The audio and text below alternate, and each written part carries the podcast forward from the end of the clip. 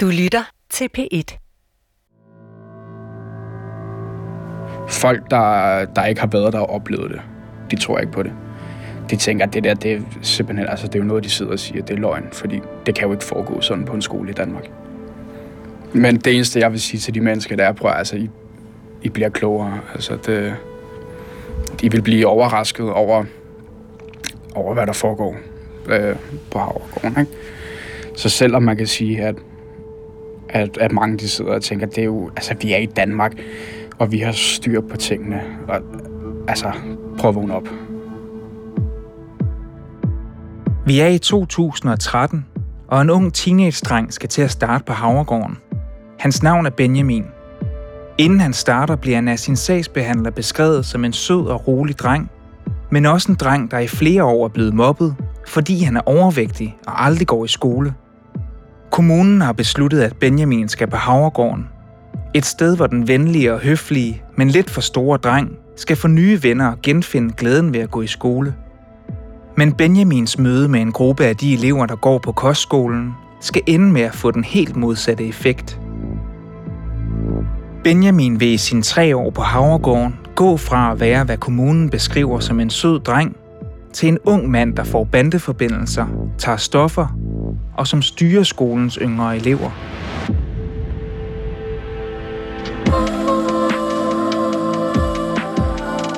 Fra P1 Dokumentar. Mit navn er Christian Stemann, og du lytter til anden episode af Kostskolen.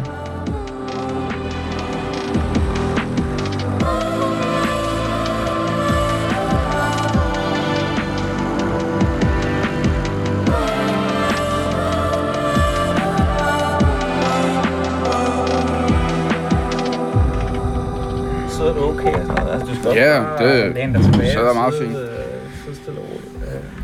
Øh. Nej, kan du ikke bare lige fortælle, hvorfor, øh, hvorfor startede du på Havregården? Jeg møder Benjamin første gang i efteråret 2020. Han er 21 år gammel, læser til automekaniker og bor med sin kæreste, som han mødte på Havregården. Jamen, øh, det gjorde jeg, fordi at jeg i, i lang tid øh, ikke var kommet i skole, og, og jeg havde haft nogle, nogle problemer i skolen. Jeg har gået på flere forskellige folkeskoler, og, og jeg har været på julemærke hjem også en gang, og sådan, fordi jeg ikke, ja, jeg havde det ikke så godt, og øh, jeg passede ikke så meget ind i folkeskolen. Men, men udover det var jeg sådan normal barn. Jeg legede normalt, og var ude og cykle og klatre i træer, ligesom andre børn. Så var det så, at, at forslaget om Havregården, det kom på banen. Og øh, jeg fik at vide, at, at øh, de andre børn, der gik derop, de, de var glade for at gå der, og, og at øh, det havde hjulpet dem. Så det ender med, at jeg starter på Havregården. Og hvor gammel er du der? Der er jeg 13 år gammel. Starter den 13. august 2013. Benjamin er en af flere drenge fra Havregården, som jeg har talt med i forbindelse med den her historie. Ligesom med Cassandra er jeg interesseret i at forstå, hvordan Benjamin ifølge sin sagsmappe ender med at gå fra at være en lille rolig dreng Jeg spillede rigtig meget computer. Øh, Jeg havde ikke så gode erfaringer med at skulle være en del af fællesskabet. til at blive en rå og hårdkogt ung mand, der er troende over for personalet og voldelig mod andre elever. Benjamin fortæller mig, at han har glædet sig til at begynde på Havregården, og at han har fået et godt indtryk af stedet. Men Benjamins start på Havregården skal ligesom Cassandras vise sig at være langt fra det, som Benjamin og hans sagsbehandler regner med. For ifølge Benjamin går der ikke lang tid, før han opdager, at der er et særligt hierarki blandt mange af eleverne på skolen. Et hierarki, der byder på tæsk og trusler, hvis man ikke retter ind. Jeg kan huske det første, det første stykke tid derop. Der, øhm, ja, der var jeg jo bare mig, kan man sige. Ikke? Og det var helt nyt, og der var mange, rigtig mange nye mennesker.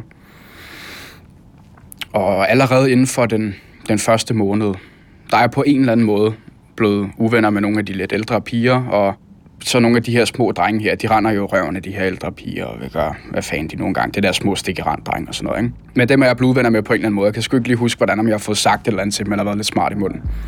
Men de hober så op ude foran min dør, i flokkevis. Der står 10-15 mennesker ude foran min dør, og prøver at sådan sparke den ind, og altså, jeg kan virkelig høre det buller og brager, altså dørkammen, den, den giver sig så meget, jeg tænker lige om lidt, så rører det hele lortet ud af væggen, ikke?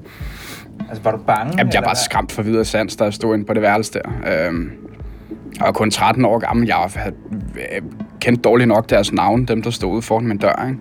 Men øh, så til mit held, så lærerne og, og en af de andre klasser, de var ved at, at lave noget øh, snobrød ved et bålsted, der ligger sådan lige ude foran mit, mit vindue og så lidt til højre.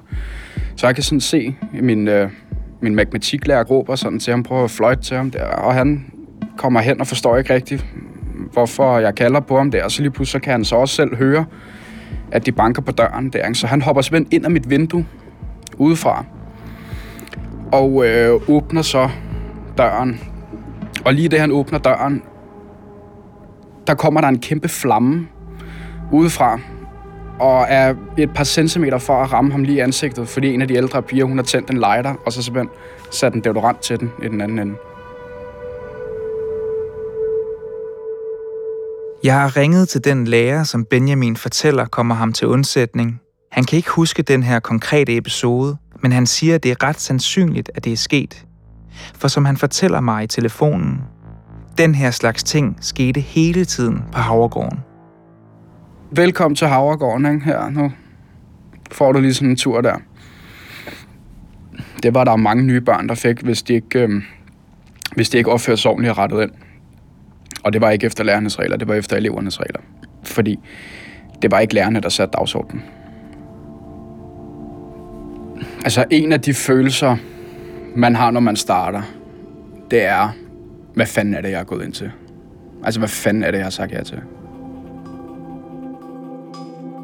Episoden på værelset er Benjamins første møde med det berygtede hierarki, eller hakkeorden, som en lang række tidligere elever fortæller hersker på skolen. Et hierarki, hvor eleverne deles op i de svage og de stærke, og ifølge Benjamin et hierarki, hvor en hårdkogt kerne af elever reelt styrer skolen. Elever, som de voksne også frygter. De kunne få andre elever til at gå ned på andre folks værelser og tage ting, og finde folk, tæve folk, sådan nogle ting.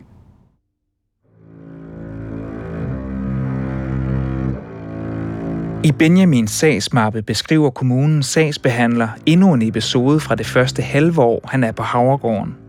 Ifølge notatet ringer en grædefærdig Benjamin hjem til sin mor, da en elev har troet ham med en kniv. Det her får Benjamins kommune til at ringe til skolens forstander, Morten Ulrik Jørgensen. Men forstanderen, han afviser det, som Benjamin har ringet og fortalt til sin mor, kan jeg læse i notatet. Forstander Morten Ulrik Jørgensen erkender over for kommunen, at der er elever, der har knive med på Havregården, og at det er blevet populært med svejserkniv blandt de unge. Men at den dreng, som tror Benjamin, uheldigvis havde glemt at lade kniven blive hjemme den weekend. Morten Ulrik Jørgensen siger dog, at det var en pige, der holdt kniven for drengen, og at drengen i stedet troede Benjamin med noget, han havde i lommen. Hvad det så er, at drengen har i lommen, og som han tror Benjamin med, uddyber forstanderen ikke – og sagen ender som ord mod ord. Altså den følelse, man får i maven, det er sådan en, det er sådan en følelse, hvor, hvor, man, hvor man tænker, at jeg kan kun stole på mig lige nu. Så, så selvom jeg har valgt Havregården for at prøve at være, altså komme lidt med i fællesskabet og være sammen med andre på min alder, der er simpelthen sket det, at, at man enten bliver nødt til at isolere sig, simpelthen af ren frygt for, hvad, fanden, øh, hvad der ellers sker. Eller så er man nødt til at ja, udtænke en plan, finde på et eller andet. Øh, det, første, det første skoleår der, det var meget turbulent.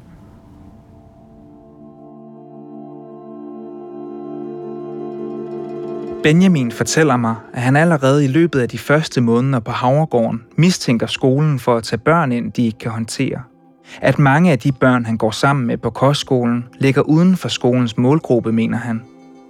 Ifølge Benjamin har de ansatte svært ved at tøjle eleverne og det grænseløse miljø, de skaber på skolen.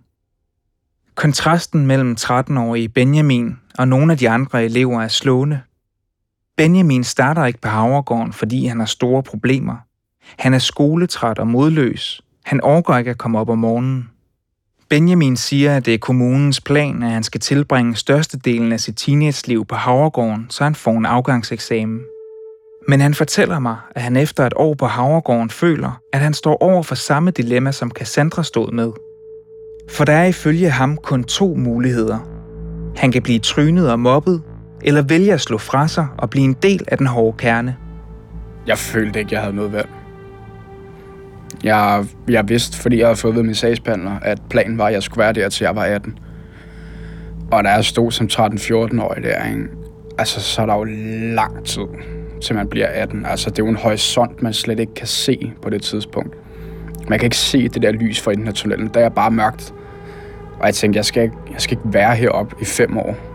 Og så altså, simpelthen nærmest være, være bange for at være her.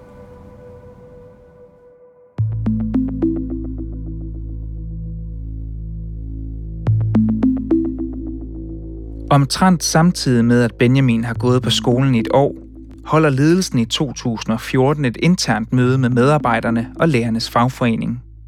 En tidligere medarbejder har sendt et referat af mødet til mig. Mødet kommer efter, at skolen har fået et påbud fra Arbejdstilsynet. Til Arbejdstilsynet siger medarbejderne, at de ikke føler sig kompetencemæssigt klædt på til at håndtere bredden af eleverne. På det interne møde på Havregården er et af punkterne derfor, hvad det er for en slags børn, man optager på kostskolen. Og i referatet kan jeg læse, at ledelsen nu siger, at skolen er på et marked, hvor skolen er nødt til at tilpasse sig de elever, der er markedet for. Og så står der, at lærerne nu skal tilpasse sig en anden praksis. Det skal de blandt andet, fordi der omkring det her tidspunkt er politisk besluttet, at langt flere børn med lettere vanskeligheder skal inkluderes i almindelige folkeskoler. Dermed forsvinder en del af det elevgrundlag, som Havregården tidligere har levet af. Jeg ved ikke, hvor stor en andel af eleverne på Havregården, der på det her tidspunkt i 2014 er socialt udsatte elever. Men tre år senere, i 2017, kan jeg i et folketingssvar læse, at hele 94 procent af eleverne på kostskolen er registreret som udsatte. Det gør Havregården til den privat- og friskole i Danmark med den største andel af udsatte elever. Det får ifølge flere medarbejdere hurtigt store konsekvenser på kostskolen. Da jeg startede på Havregården, der var Havregården fyldt med en masse børn, som øh, havde alle øh, mulige forskellige problemstillinger. Men vi havde et til fælles, det var, at man skulle have en god tid. Man skulle have det godt her. Og mange af børnene var ikke vant til at blive sat på skødet og sådan noget. Eller at man gav dem kram. Jette Pedersen starter som lærer på Havregården i 1987. Når man taler med Jette og hører om hendes første 20 år på Havregården, så lyder det som noget af det, man kan høre i YouTube-videoerne mange år senere. Det bedste, der er sket for min datter, det var, at hun kom på Havregården. Vi gjorde nogle utraditionelle ting, som de ikke øh, havde prøvet før på nogen andre steder. Og man sådan tog dem om skulderen, når man gik op til undervisning, og, ah, og roste dem, øh, og prøvede at få dem til at få lysten til at lære. Men der var også vanskeligheder med dem. Øh, ikke en tvivl om det. Men det var alligevel sådan, vi var et hold. Vi var en familie. Vi holdt sammen. Vi var os. Ifølge Jette Pedersen var Havregården et sted, der klækkede gode samfundsborgere ud. Hendes egne børn kom ofte på besøg og legede med børnene på skolen, og hun var så tryg ved stedet, at hun ikke ville have noget imod, hvis hendes egne børn gik der. Altså i starten, da jeg var der, der sagde jeg altid, når folk sagde, hvordan er det? Så sagde jeg, hvis jeg døde en gang, og mine børn stod uden forældre, så synes jeg, det ville være et godt sted. Sådan havde jeg det. Det kunne de godt. Det vil jeg aldrig sige mere om det, jeg forlod. Efter 20 år på Havregården sker der nemlig et skred. Hvor man engang tog børn ind, som man kunne hjælpe og håndtere, så bliver Jette Pedersens sidste 10 år på kostskolen præget af en helt ny type børn. Ifølge den gavede lærer bliver der nu optaget flere børn med svære problemer, der kræver flere kompetencer og specialiseret viden at kunne hjælpe. Det gør kostskolen ifølge hende for at sikre, at der er nok børn til, at skolen kan løbe rundt. De var meget bange for, at man ikke havde det børneantal, man skulle have. Man tog børn ind, man ikke kunne håndtere, som vi ikke var dygtige nok til.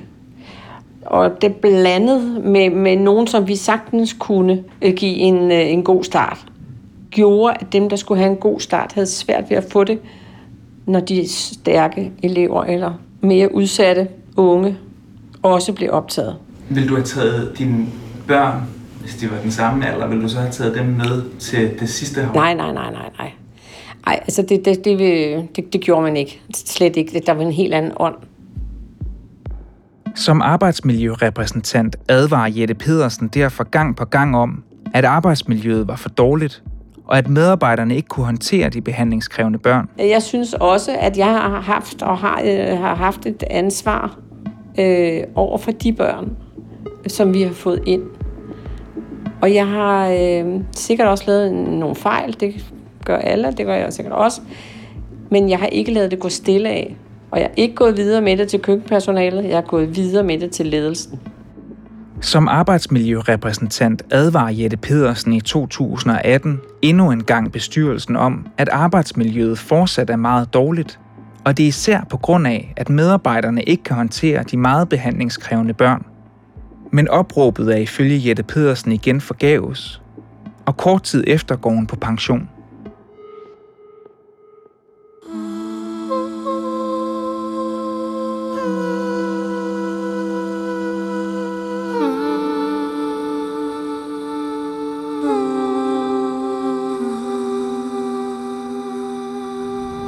Jamen altså, der var en sommerferie, hvor, øh, altså det skal lige siges, jeg var ikke særlig høj, da jeg startede på Havregården. Jeg har måske været 1,56 høj, da jeg startede på Havregården. Meget, meget lille 13-årig.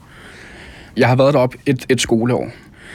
Og i den her sommerferie, der når jeg voksen 10 cm i højden eller sådan noget. Og da jeg så kommer op på Havregården igen, jeg begynder at stille og roligt at træne og sådan noget. Da Benjamin i 2013 har gået et år på Havregården, har han oplevet overfald, mobning og fysisk vold. Benjamin har derfor taget valget om, at han ikke længere vil være nederst i hierarkiet. Han vil gøre det, der skal til for at stige i graderne, også selvom det betyder, at han skal blive en af dem, han selv tidligere har frygtet. Altså, jeg var så træt af folk, så da de begyndte der at komme, nu var det jo et nyt skoleår der, ikke? så skulle de lige over og prikke til den igen. Så lige pludselig en dag tænkte jeg, nu, øh, nu kan jeg sgu ikke, øh, jeg sgu ikke overskue det mere. Så knyttede jeg hånden, og så satte jeg den lige i tandsættet på ham, der stod forrest. Og så løb jeg. Øh, for det tænker jeg, det var nok smartest øh, lige i det øjeblik der, så var jeg bare væk. Men de løb ikke rigtig efter mig, de der. Og så, øh, fordi jeg tænkte, jamen, ja, jeg er ikke så stolt, jeg ikke kan gå over og sige undskyld. Så jeg går over og siger til ham, hvor der var. Selvom du har været nær over for mig, så øh, det var ikke meningen, jeg skulle slå dig. Og øh, det ender som, at altså, i, i stedet for, at vi bliver uvenner, så begynder vi bare at snakke sammen. Så du vinder faktisk hans respekt ved Så øh, altså, man kan sige, jeg, jeg var ikke offer mere. Jeg, jeg svarede igen. Jeg slog igen. Og også fordi jeg begyndte også at få samme attitude over for lærerne. Jeg begyndte også at svare lærerne igen. Jeg begyndte også at gøre lige, hvad fanden det passede mig, og det kunne de andre elever også se. Og så når man var, når man var lidt mere med, så begyndte de jo sådan, hvad vil du med til fest i weekenden? Ikke? Og så sagde jeg, ja, selvfølgelig vil jeg det, ikke? Hvad var der sket, hvis Benjamin ikke havde stukket ham der en på hovedet? Jamen det... Nu siger de, vold ikke er løsningen, men det kan man også sige, det var lige her, ikke? Benjamin fortæller mig, at Havregårdens regler er ligegyldige, fordi der ifølge ham er meget få konsekvenser ved at bryde dem. Blandt mange af de unge på Havregården er det de interne regler, der gælder, og det handler om aldrig at vise svaghed. Enten er det dig, der uddeler tæsk, eller også får du dem, siger han. Hvis man var blevet virkelig, altså virkelig uvenner med nogen, så gik man simpelthen ned på deres værelse, hvis deres dør ikke var åben. så, så ventede man simpelthen bare til de åbnede døren, ikke? Og så mødte man dem bare med en rigtig losing. Smask lige på siden af hovedet der, ikke? Det er jo sådan noget, man, man normalt oplever i kriminelle miljøer, ikke? men øh, det burde man jo ikke opleve på en, en, en kostskole, vel? fordi man var jo der, fordi man lærerne, som de, som de selv sagde det, man skulle være der, fordi at der var tryghed. Det var til børn, der ikke rigtig havde noget bedre alternativ at komme hjem til.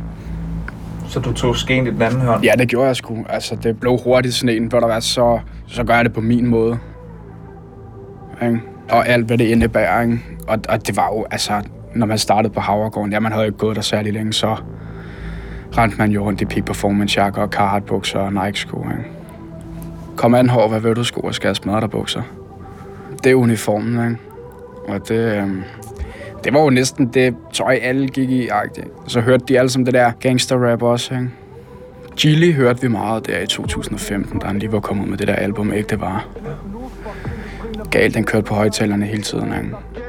De enter fortæller de yngre, om de skal sælge eller plyndre Sidder der gemt i mine hønder, tænk dig om før du begynder Men på trods af alle de ting, som Benjamin oplever på Havregården, så har der også været gode stunder på kostskolen, fortæller han. Ligesom mange andre, jeg har talt med, bruger han ordet familie. Selvfølgelig var der da også gode tider deroppe. Det var der. Der var der super gode tider, hvor vi, hvor vi hyggede os og kom godt ud af det med hinanden, og vi lavede bål og snobrød og sådan noget der. Så altså, det var ikke fordi, det kun var, det kun var lort. Også Cassandra oplever, at tiden på Havregården giver en positiv oplevelse. Min skolegang var faktisk det bedste deroppe, fordi jeg havde to lærere, som bare virkelig øhm, åbnede øjnene for, at jeg var måske ikke så dum i skolen, som jeg lige havde rendt rundt og, og tænkt, jeg var. Og de fortæller begge to, at der var børn og unge på kostskolen, der havde gode oplevelser med at være anbragt på Havregården. Men ifølge både Benjamin og Cassandra, der begge to beskriver sig selv som værende en del af den hårde kerne på kostskolen, så ændrer det ikke ved, at der ifølge dem var mange børn og unge, der fik det dårligere af at gå på Havregården. Især fordi medarbejderne ikke var i stand til at håndtere mange af de udsatte børn, der blev optaget på kostskolen.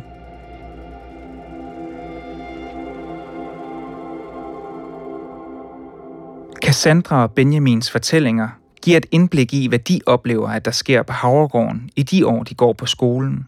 Men jeg har også fået adgang til en række interne dokumenter fra Havregården, der viser, hvordan medarbejderne blandt andet oplever vold og trusler.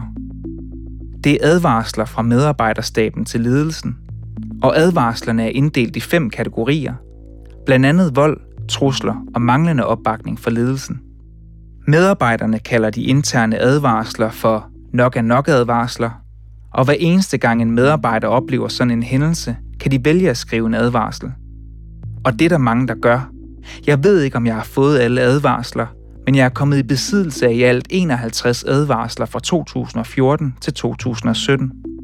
Hver især beskriver personalet, hvordan de for eksempel oplever at blive spyttet i hovedet, troet med en hammer, fornikket en skalle eller fysisk trækker sig, fordi de ikke ved, hvordan de skal håndtere børnene. To opgivende aftenvagter skriver for eksempel følgende advarsel en vinteraften i 2014. Vi har ikke kunnet nå at skrive alt ind. Ingen tid til det på grund af brændslukning i hele vagten. Det var på intet tidspunkt muligt for os at skabe nogle rolige, hyggelige rammer for børnene. Der var gang i de unge frem til kl. 2.30. Herefter meget svært for os voksne at falde til ro. Ingen nattevagter til os i fremtiden, tak. PS. Oplever klump i halsen, grådlabil, tung hovedpine, da vi skal referere vagten til afløserholdet. Tankevækkende, at vi løber så stærkt vi kan, og når paraderne falder, kommer følelserne. I 2016 skriver en lærer en nok af nok advarsel om, hvordan en gruppe unge bruger peberspray mod hinanden og personalet. Tirsdag aften blev gruppe 2 og gangene til vagtrummet udsat for peberspray. Altså blev sprøjtet med peberspray. Jeg blev voldsomt mærket af det her, og min luftveje, altså jeg er astmatiker, og måtte forlade vagten på grund af, af gener. Og da jeg bladrer de mange advarsler igennem, falder jeg over den måske mest opsigtsvægtende af dem alle. Advarslen stammer fra 2017. En elev har været på psykiatrisk afdeling på hospitalet, men lærerne vil ifølge advarslen ikke indlægge hende. I stedet er det meningen, at en lærer fra Havregården skal køre pigen hjem. Men ifølge advarslen vil pigen ikke med tilbage til kostskolen. Derfor tager hun en beslutning. Hun spænder selen op og samler sin taske, åbner døren og gør sig klar til at springe. Jeg siger stop, tænk dig om, mens jeg får bremset bilens fart ned fra 60 km i timen til 15. Vi nærmer os et lyskryds, og hun springer ud. Heldigvis slår hun ikke hovedet i asfalten. Hun ligger lidt. Jeg bremser helt op. Hun rejser sig, tager sine tasker og begynder at gå sin vej.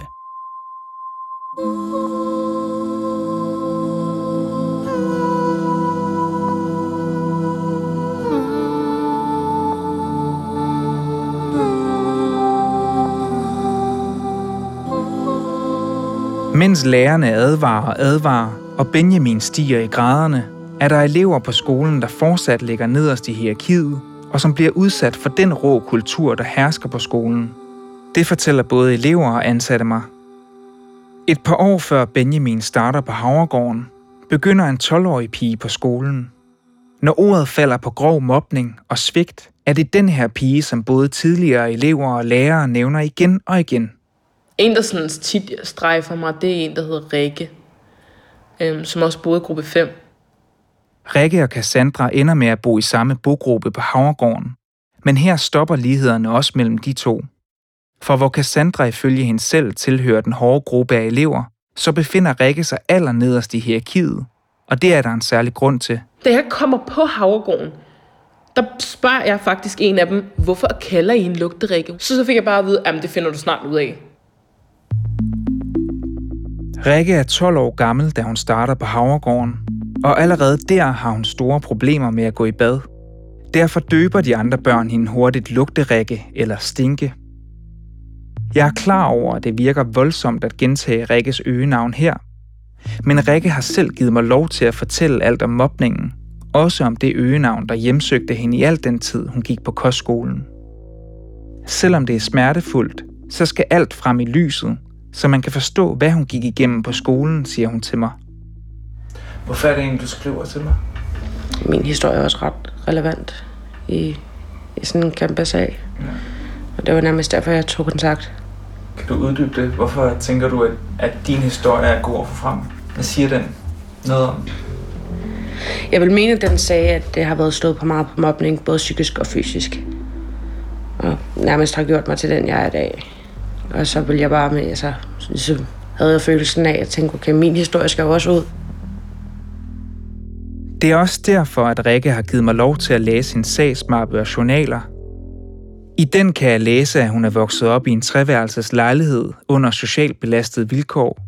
I papirerne kan jeg se, at Rikke bliver mobbet i folkeskolen, fordi hun allerede der har svært ved at gå i bad. Rikkes kommune og hendes forældre beslutter, at hun skal have hjælp, og det mener de, at hun kan få på Havregården. Men Rikkes problemer med hygiejnen bliver ikke bedre af at gå på Havregården. I et notat fra skolen kan jeg læse følgende om Rikkes værelse. Rikkes værelse er uhyre rodet og snavset.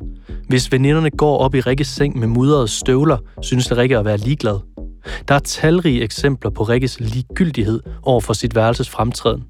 Eksempelvis at smide sin spejepølsemad ned på gulvet, ubemærket, og lade den ligge. At lade mugne madvarer og våde håndklæder samle sig under sengen. På samme vis er Rikke set spise torskerov med fingrene direkte fra dåsen, uden at vaske fingre bagefter. Og omfanget sådan lignende jagttagelser er stor. Rikkes problem bemærkes hurtigt af de andre elever, som udser sig hende som et mål for den voldsomme mobning, som mange tidligere elever beskriver foregår på Havregården. Ifølge Rikkes værelseskammerat, samt flere tidligere medarbejdere, bliver Rikkes værelse blandt andet raseret af de andre børn. Det var reddet ud af skabene, det var reddet vendt rundt på hovedet, der lå shampoo, der lå balsam. Det hele var ødelagt. Hvordan er det at komme ind og se sit værelse? Det går ondt. Det svarer til indbrud. Så det har jo været, altså det har jo været ganske forfærdeligt at leve i. Cassandra husker stadig Rikke den dag i dag, og hun indrømmer, at hun var grov over for hende, når hun kunne lugte, at Rikke ikke havde været i bad. Jeg tror simpelthen ikke, hun har kunne, hun har kunne overskue det. Så man forstår måske godt nu, hvorfor hun ikke gjorde det, men der, der blev, jeg blev så vred på hende. Altså, jeg skældte hende ud og kaldte hende klamme ting, og alle kaldte hende lugterik, og der var ikke nogen, der ville sidde ved siden af hende, og de lod det bare stå på. Dem, der lod det stå på, var lærerne. De havde ifølge Cassandra og en række andre elever kun to løsninger på Rikkes problemer med at gå i bad. Og den ene var mere vanvittig end den anden, mener Cassandra. Jeg har set to versioner. Den ene version, det var, Rikke, hvis du går i bad, så kan du få en sodavand eller slik. Bestikkelse. Og, ja, bestikkelse. Eller også så har jeg set den anden version, der er, det er at ekskludere hende. Det er at sige til hende, nu tager alle andre ud og spiser, men fordi du lugter, så, går, så kommer du ikke med. Rikkes sagsmappe bekræfter de store problemer, som Havregårdens personale har med at få Rikke i bad. Og her står der blandt andet også, at lærerne forsøger at belønne Rikke. En af dem, der husker Rikke, er tidligere lærer Niels Bo Vågensen. Han stoppede på Havregården, efter han blev overfaldet af en elev. Han mener, at Rikke er et af flere eksempler på børn, der aldrig skulle have været indskrevet på Havregården. Det er jo lidt grotesk, at man tager en pige, der er så dårligt fungerende, som hun rent faktisk er, og putter hende ind på Havregården, øh, som øh, på papiret har nogle helt andre rammer, end dem hun skal indgå i. Jeg vil kalde det en opgivenhed, en håbløshed for de voksne, fordi de har ikke haft værktøjerne til at hjælpe hende. For som almindelig folkeskolelærer, så er man ikke klædt på til at håndtere så udsatte elever, siger Niels Bo Vågensen. Der blev sagt flere gange fra mine kollegaers side, det her er ikke en kostskole mere. Det er jo en behandlings... Altså, de er jo behandlingskrævende, de her elever, vi har. Det er jo ikke en kostskole mere. Det er jo ikke det, jeg meldte mig ind som lærer til at, at være på, eller som pædagog. Det er jo en behandlingssted. Folk er jo i behandling, mens de er her.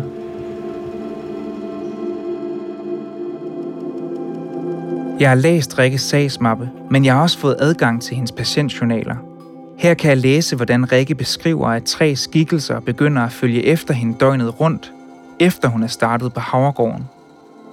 Hun beskriver, at skikkelserne ikke har nogen ansigtstræk, og at de nærmest ser døde ud. Er de her lige nu, mens vi sidder her? Ja, de er hele tiden. Konstant. Men jeg har så ikke lige nu, fordi han plejer at være på min venstre side. Okay. Jeg har lukket af. Ja. Og det startede på Havregården? Ja, der så jeg dem første gang.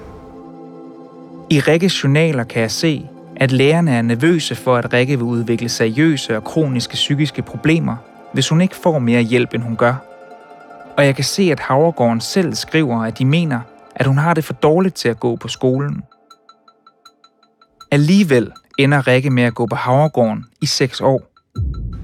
De, de var dog bare som sådan nogle små skikkelser, ligesom om der var... Altså, så dem, og så har de så fulgt mig, ikke? Primært er kvinden bag ved mig, og drengen han er ved mine fødder. Rører de ved dig? Ja, øh, drengen rører ved mine fødder. Og den brændende fornemmelse.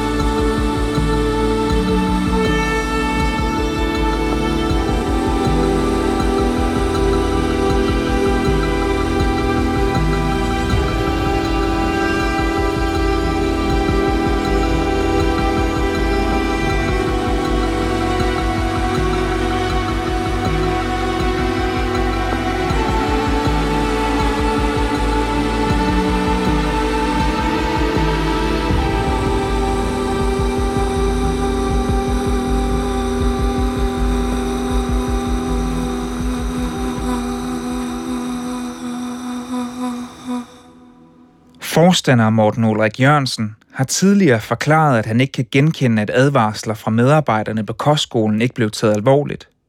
Han har også tidligere erkendt, at det er sket, at kostskolen har optaget børn, der viser sig at ligge uden for kostskolens målgruppe, men at skolen ofte først har opdaget det, efter børnene er begyndt. Jeg har samtidig bedt forstander Morten Ulrik Jørgensen om et interview, hvor jeg gerne vil spørge ind til alt den kritik, der bliver rejst af medarbejdere, elever og pårørende. Men han er endnu ikke vendt tilbage på mine henvendelser.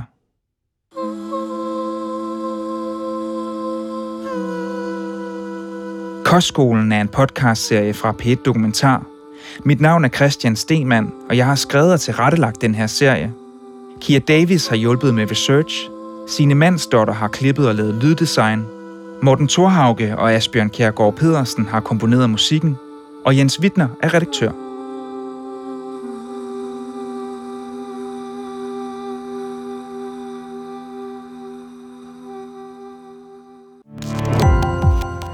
Gå på opdagelse i alle DR's podcast og radioprogrammer. I appen DR Lyd.